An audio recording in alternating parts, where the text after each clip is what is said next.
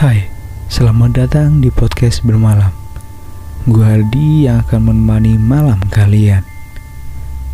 Buat kalian yang dengerin podcast ini, kalian juga bisa cerita pengalaman kalian lewat Instagram atau email. Kali ini gue mau membahas kisah keluarga Semul. Oke, langsung aja kita ke pembahasannya. Dari tahun 1974 sampai 1987, keluarga Semul mengklaim bahwa mereka selalu dihantui. Kisah mereka itu pun menarik perhatian media bahwa ya untuk menghasilkan beberapa artikel yang diterbitkan, buku, film, TV, bahkan menarik paranormal terkenal yaitu si Ed dan Lor Lorraine Warren. Kisah berawal pada saat mereka pindah ke Douglas Cass Street di West Pittston, Pen Pensi Pennsylvania. Setelah pindah di rumah itu, akhirnya mereka mencoba untuk merenovasi rumah itu mereka mencoba mengecat ulang dan memperbaiki. Namun saat itu aktivitas menyeramkan dimulai.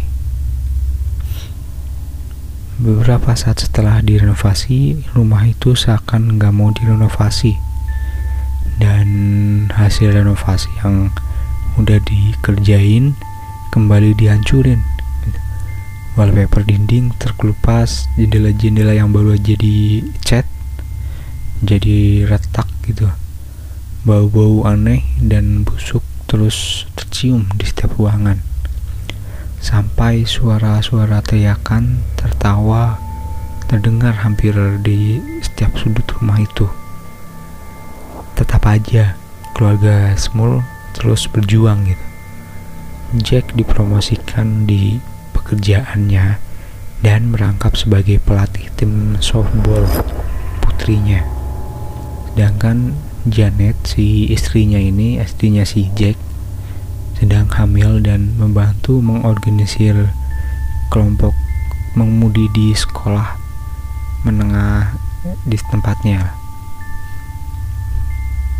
Dan gak lama saat keluarga semua berjuang untuk memenuhi kebutuhan hidupnya Mary si ibunya Jack menderita serangan jantung Sementara itu, hantu yang ada di rumah itu makin menjadi-jadi. Mary dan Janet mengaku telah mendengar suara-suara saling memanggil gitu. Satu sama lain, kayak misalkan si Janet Ji, kayak misalkan si Janet ngira nih dia dengar ibunya ibu mertuanya itu dengar suara si Janet itu. Jadi kayak saling memanggil. Dan sementara si Mary itu juga ngira kalau dia itu ngedengar Janet dan Jack lagi bertengkar gitu. Jadi kayak lagi bertengkar sampai keluar kata-kata serapah.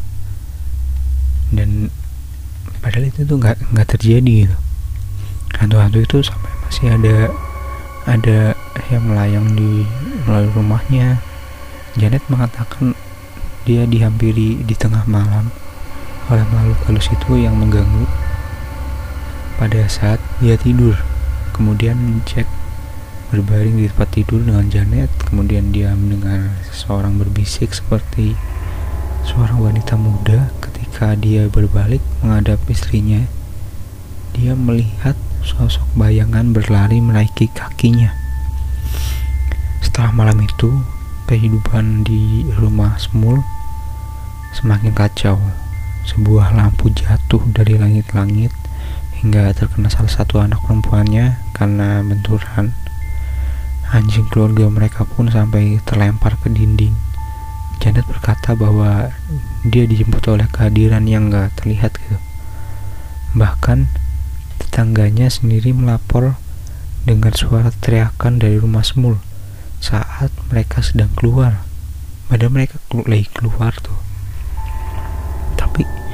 tapi tetangganya tuh dengar kalau di rumah Smur itu kayak ada ya itu suara-suara teriakan.